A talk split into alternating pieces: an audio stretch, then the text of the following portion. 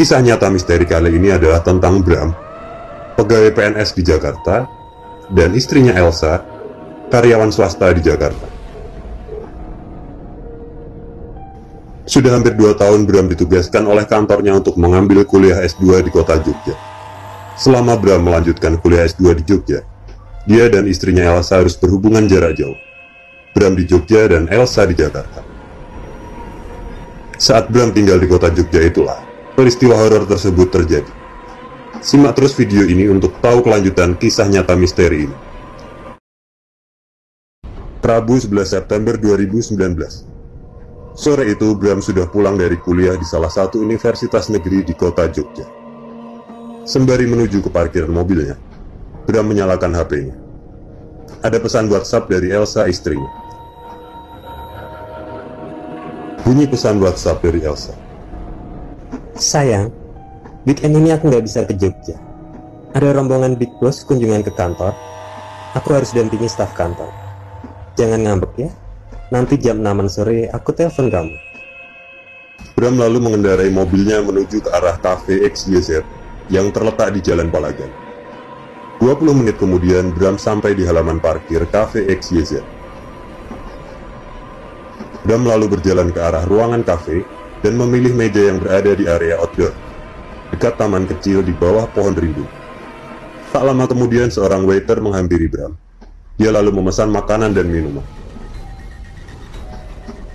Bram lalu mengambil laptop dari tasnya, meletakkannya di meja dan menyalakan laptop tersebut. Ada beberapa tugas kuliah yang harus dikerjakan Bram. Dia lalu membuka-buka folder di laptopnya. Perhatian Bram lalu terhenti ke sebuah folder. Folder yang berisi foto-foto Elsa istrinya. Sambil termenung mengamati foto-foto Elsa, pikiran Bram melayang jauh. Biasanya setiap dua minggu sekali, Bram dan Elsa menyempatkan waktu untuk bertemu. Weekend kedua, biasanya Elsa mengunjungi Bram di Jogja. Dan weekend keempat, gantian Bram yang berangkat ke Jakarta. Rutinitas tersebut sudah dilakukan Bram dan Elsa selama hampir dua tahun, karena mereka terpisah kota.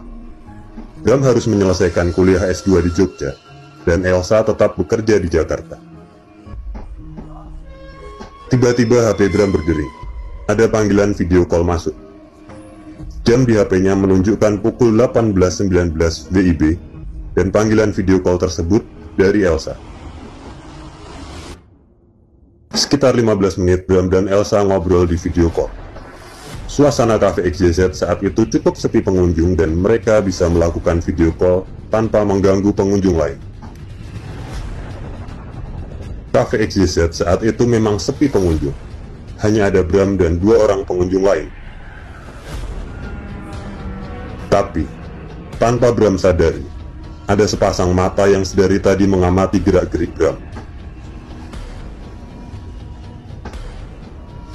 Sepasang mata milik sosok tak kasat mata yang mengintai Bram dari balik pepohonan. Selesai video call dengan Elsa, Bram lalu beranjak ke toilet. Tas dan laptopnya ditinggalkan di meja.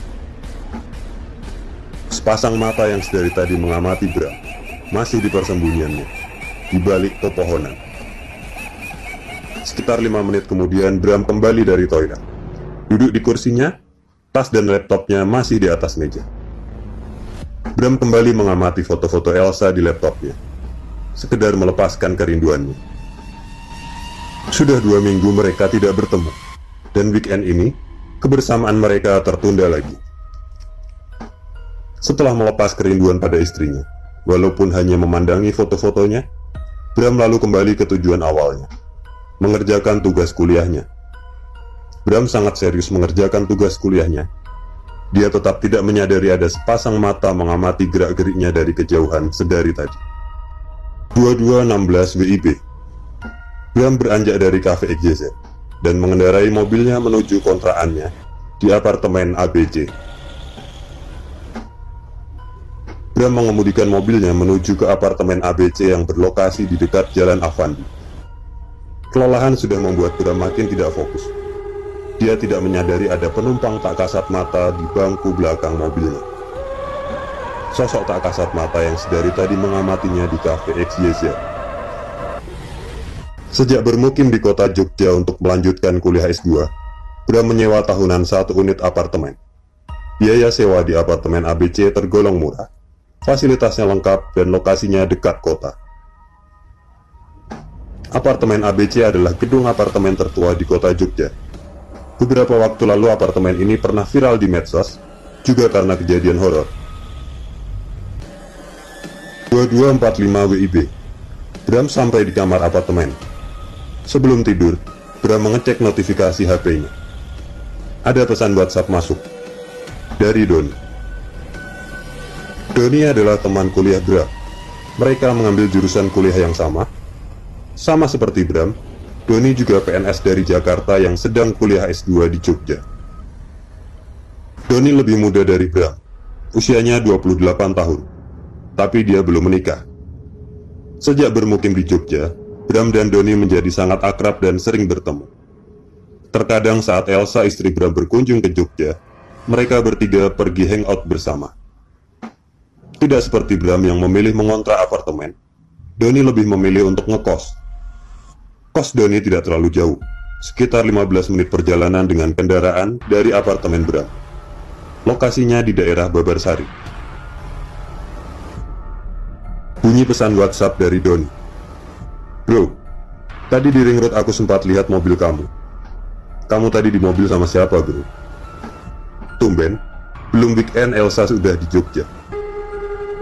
Kok tumben Elsa duduk di bangku belakang, bro? Yowis, ya kabar-kabar. Atau besok kita ngopi bareng. Ajak Elsa sekalian, bro. Bram tersenyum membaca pesan WhatsApp dari Doni tersebut. Tapi dia sudah sangat mengantuk dan tidak membalas pesan tersebut. Bram memilih untuk tidur saja. Besok pagi barulah dia akan telepon Doni. Kata Bram dalam hati, ada-ada aja Doni. Dari tadi aku pergi sendirian aja. Kok dia bilang lihat Elsa di mobilku? Makin malam makin ngawur penglihatan Doni. Pikiran Bram lalu tertuju ke Elsa. Dia merasa rindu pada istrinya tapi sayang sekali weekend ini pekerjaan Elsa di Jakarta sangat sibuk sehingga tidak bisa berangkat ke Jogja. Bram kemudian tertidur. Kamis 12 September 2019 03.10 WIB Dini hari Bram terbangun dari tidurnya karena suara berisik dari luar kamarnya. Suara barang-barang pecah. Suara itu seperti suara gelas yang dibantu. Masih cukup mengantuk. Bram keluar dari ruangan kamarnya mencari ke arah sumber suara berisik tadi. Sebelum keluar kamar, dia meraih tongkat baseball yang berada di sudut kamar untuk berjaga-jaga kalau misalkan ada maling masuk ke apartemennya. Di ruang tamu, Bram terheran-heran melihat pecahan kaca cermin berserakan di lantai. Bram makin waspada. Perlahan dia berjalan menuju ke dapur dan kamar mandi. Masih dengan tongkat baseball di tangan kanannya. Di kamar mandi, lagi-lagi dia melihat pemandangan yang serupa. Pecahan kaca cermin di lantai. Tapi tidak ada siapa-siapa di sana. Bram lalu mengecek pintu dan jendela-jendela. Bram menjadi makin heran. Pintu dan jendela-jendela terkunci rapat. Tidak ada yang terbuka. Tidak ada orang lain ataupun kucing liar yang masuk. Bagaimana bisa kaca cermin di ruang tamu dan kamar mandi pecah semua? Dengan keheranan, Bram berjalan menuju ruang kamarnya dan melanjutkan tidurnya. Pagi harinya, Bram terbangun karena suara HP-nya. Ada panggilan telepon masuk. Dari Doni. Bram mengangkat panggilan telepon itu. Ternyata Doni sudah berada di luar apartemen. Bram lalu berjalan menuju pintu dan membukanya. Ketika pintu apartemen dibuka, Doni terkejut melihat pemandangan kaca cermin yang pecah bersirakan di lantai ruang tamu. Doni lalu membantu Bram membersihkan pecahan kaca cermin di ruang tamu dan kamar mandi. Hari itu Bram dan Doni beraktivitas bersama. Siang sampai sore kuliah dan lanjut hangout di kantin kampus. Malam harinya Bram mengantar Doni pulang ke kosnya, lalu Bram pulang ke apartemen ABC. Sepanjang hari itu semua tampak normal, kecuali kejadian dini hari tadi. kaca cermin di ruang tamu dan kamar mandi yang pecah dengan misterius. Tapi, ada hal lain yang tidak Bram ketahui. Sosok tak kasat mata yang sejak kemarin malam mengamati Bram, masih mengintai dari kejauhan. Hari Jumat, Sabtu, dan Minggu jadwal kuliah kosong. Biasanya Bram mengisi weekend dengan beraktivitas bersama Doni. Kecuali weekend kedua dan weekend keempat. Waktu khusus untuk Elsa istrinya. Weekend ini seharusnya Bram bersama Elsa di Jogja. Tapi kesibukan pekerjaan kantor Elsa membuat rencana tersebut berubah. Gagal berweekend bersama istrinya membuat mood Bram seharian ini berantakan. Bram sengaja mematikan HP-nya sejak pagi dan dia belum keluar kamar apartemen seharian ini. Seharian ini dia hanya keluar dari apartemen untuk menemui driver ojol yang order makanan ekspres. Hari yang membosankan dan malas ke mana-mana. Rencananya malam nanti Bram akan membeli cermin baru untuk menggantikan cermin di ruang tamu dan kamar mandi yang pecah misterius kemarin. Tapi Bram merasa malas sekali beraktivitas di luar apartemen hari ini. Sudah 14 kopi dan hampir dua bungkus rokok dihabiskan Bram sejak pagi hingga sore ini. Aktivitasnya hari ini juga hanya bermalas-malasan. Harusnya sore ini selepas jam kantor, Elsa berangkat ke Jogja dengan kereta api, dan dini hari Bram menjemputnya di stasiun Tugu. Pikiran Bram melayang-layang keingatannya akan senyum Elsa dan tingkah manjanya. Sabtu 14 September 2019 0217 WIB. Bram terkejut mendengar suara bel pintu apartemennya berbunyi. Entah sejak kapan bel itu berbunyi, rupanya Bram tertidur di ruang tamu. Bel itu berbunyi lagi. Bram belum beranjak dari posisinya di sofa ruang tamu. Dia merasa bingung. Siapa yang bertamu ke sini jam 2 dini hari? Untuk kesekian kalinya, bel itu berbunyi lagi. Bram lalu berkata dalam hati, Mungkin itu Doni. Seharian ini mungkin dia berusaha menghubungi, tapi tidak bisa karena HP dimatikan. Bram lalu beranjak dari sofa, dan perlahan mendekat ke arah pintu apartemennya. Ia mengintip melalui lubang pintu terlebih dahulu. Bram terkejut saat melihat wajah Elsa dari lubang intip di pintu. Dipikirnya Doni yang ada di sana. Bram bergegas membuka pintu. Dan benar saja, istri yang sedang dirindukan ada di depan. Wajah Elsa sedikit pucat. Mungkin dia kelelahan. Bram memeluk dan memberi beberapa kecupan ke Elsa. Untuk beberapa saat mereka bermesraan. Percakapan Bram dan Elsa. Kok kamu bisa ada di sini sayang? Aku kira kamu nggak bisa ke Jogja weekend ini. Ya, surprise saja. Ini kita mau masuk ke dalam atau tetap di luar aja? Astaga, aku lupa kita masih di depan pintu. Ayo masuk sayang. Mereka lalu masuk ke ruang apartemen dan melangkah menuju ke arah kamar. Sesampainya di kamar, Bram melanjutkan memeluk dan menggoda mesra Elsa. Mereka lalu bercumbu, hingga akhirnya mereka tertidur pulas. 9.40 WIB Bram terbangun Elsa masih tertidur di samping Bram lalu menuju ke dapur untuk membuat segelas kopi Kemudian duduk di sofa ruang tamu Bram menyalakan HP-nya yang sejak kemarin sengaja dimatikan Beberapa notifikasi masuk Ada pesan WhatsApp masuk dari Doni Bunyi pesan WhatsApp dari Doni Bro, Ke mana aja kok dari kemarin gak ada kabar? Nanti sore kita cari tempat ngopi yuk. Bram lalu membalas pesan tersebut. Sorry bro, aku nggak bisa nanti sore. Elsa ada di sini. Kayaknya dia kecapean, jadi aku nemenin dia aja di apartemen hari ini. Besok minggu siang aja ya kita hangout bertiga. Lima menit kemudian, ada pesan balasan dari Doni. Oh aku kira Elsa nggak bisa ke Jogja weekend ini. Yowis, ya berkabar aja besok siang. Salam buat Elsa. Bram membalasnya lagi. Iya, Elsa dapat izin dari kantornya. Tadi pagi dia sampai Jogja. Oke bro, besok aku kabarin lagi. Hari Sabtu ini Bram dan Elsa menghabiskan waktu berdua saja di apartemen. Melepas kerinduan dan berjumpa. Mirip seperti pasangan pengantin baru yang seolah tidak mau jauh-jauh dari pasangannya. Bram benar-benar ingin berduaan saja dengan Elsa hari ini. Dia mematikan HP-nya lagi, dan membatalkan niatnya untuk pergi membeli cermin pengganti cermin yang pecah misterius. Kerinduan pada Elsa istrinya membuat akal sehat Bram tertutup dan tidak menyadari bahwa sebenarnya ada keanehan pada Elsa. Minggu 15 September 2019 9.15 WIB Bram terbangun ia lalu beranjak ke dapur untuk membuat segelas kopi. Sementara Elsa masih tertidur. Sepertinya sedang kurang sehat dan kelelahan.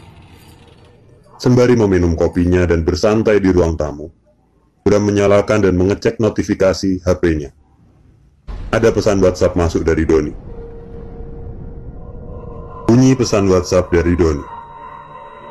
Bro, aku butuh kamu ke sini. Aku tadi nabrak motor. Mobilku ditahan di kantor polisi. Need your help, bro. Setelah membaca pesan, Bram lalu menelponnya. Kemudian Bram bersiap-siap untuk menyusul ke lokasi Doni saat ini. Dia tahu Doni saat ini sedang butuh bantuan. 25 menit kemudian, Bram sudah sampai ke lokasi yang diminta oleh Doni. Cafe Omega. Doni sudah menunggu di salah satu meja di sana percakapan Bram dan Doni. Gimana urusan tabrakan mobilmu tadi, bro? Sorry, aku bohong tentang aku nabrak motor. Ada hal lebih penting yang mau aku tanyakan. Tolong jawab dengan jujur, bro. Tentang apa ini, bro? Ada hubungannya dengan Elsa istrimu. Loh, kok jadi tentang Elsa? Elsa di mana sekarang, bro? Elsa, ada di apartemen sebelum aku ke sini. Masih tidur dia. Mungkin kecapean. Jawab jujur bro. Elsa atau perempuan lain yang ada di apartemen kamu sekarang? Kalau memang ada perempuan lain, kamu bilang aja ke aku, supaya aku tahu yang sebenarnya. Apa maksud kamu? Aku memang jarang ketemu Elsa. Tapi kamu tahu aku bukan laki-laki bajingan yang suka selingkuh. Dan kamu tahu itu. Apa maksud pertanyaanmu ini, bro? Doni mengambil HP-nya, membuka aplikasi Instagram dan menyerahkan HP-nya ke Bram. Dua jam yang lalu Elsa posting story Instagram. Elsa masih di kantornya, di Jakarta. Loh, Elsa ada di sini, di apartemen. Dia masih tidur tadi. Ini memang bukan urusanku, bro. Tapi, aku kenal kamu dan Elsa bukan baru kemarin. Jadi kalau ada perempuan lain, kamu bisa bilang jujur ke aku. Elsa bareng ma aku dari Sabtu dini hari. Gak ada perempuan lain. Aku gak main perempuan, bro. Yakin kamu? Coba kamu telepon Elsa. Apa benar dia ada di Jakarta? Kalau Elsa di Jakarta, Elsa siapa yang bareng kamu dari kemarin Sabtu? Bram menuruti saran Doni. Dia lalu mengambil HP-nya dan menelpon Elsa selama beberapa menit. Selesai menelpon, Bram tampak bingung. Elsa beneran di Jakarta, bro. Ya Allah, siapa yang ada di apartemenku? Siapa yang bareng aku dari hari Sabtu kemarin? Kamu yakin itu Elsa yang ada di apartemen? Ya seharusnya. Tapi ternyata Elsa masih di Jakarta. Ini gimana sih bro? Jangan-jangan ini ada hubungannya dengan cermin-cermin yang pecah misterius di apartemen. Jangan-jangan, waktu aku lihat mobilmu di jalan beberapa hari lalu, beneran aku lihat perempuan itu di bangku belakang mobilmu. Padahal kamu bilang, di mobil sendirian waktu itu. Aku hubungi Pak De Anwar. Pak Adeku ini, kiai di salah satu pondok pesantren di Jogja. Doni lalu menelpon dengan HP-nya. Sesuai saran Ustadz Anwar, Bram dan Doni lalu beranjak menuju apartemen Bram. Namun mereka diminta menunggu di parkiran apartemen ABC sampai Ustadz Anwar datang ke sana. 20 menit kemudian Ustadz Anwar tiba di parkiran apartemen ABC. Kemudian mereka bersama-sama masuk, menuju ke apartemen Bram. Sesampainya di ruang apartemen, tidak ada seorang pun di sana. Apartemen Bram kosong. Di kamar tidur juga tidak ada siapa pun, hanya terlihat spray, bantal, dan guling yang berantakan. Namun tidak ada siapa pun lagi di sana. Hanya ada Bram, Doni, dan Ustadz Anwar. Ustadz Anwar berkata, Ada makhluk halus yang mengganggu kamu beberapa hari ini. Dia menjelma wujud istrimu. Semua cermin di apartemen ini dia pecahkan supaya wujud aslinya tidak nampak di cermin. Saat ini dia sudah pergi, tapi masih ada di dekat sini. Supaya dia tidak kembali mengganggu kamu. Sesaat lagi kita adakan doa bersama di sini. Ambillah air wudhu, kita akan sholat berjamaah di sini. Dan setelah itu kita doa bersama. Insya Allah, makhluk halus itu tidak akan berani mendekat lagi nantinya. Saat Bram dan Doni melakukan doa bersama Ustadz Anwar, pintu apartemen Bram seperti digedor-gedor dengan keras. Beberapa kali terdengar suara teriakan dan tawa cekikian perempuan. Namun mereka tetap melanjutkan doa bersama. Hingga akhirnya, suara-suara gangguan menghilang. Setelah itu, makhluk tak kasat mata tersebut tidak pernah mengganggu ataupun menampakkan dirinya lagi dan kehidupan Bram kembali normal.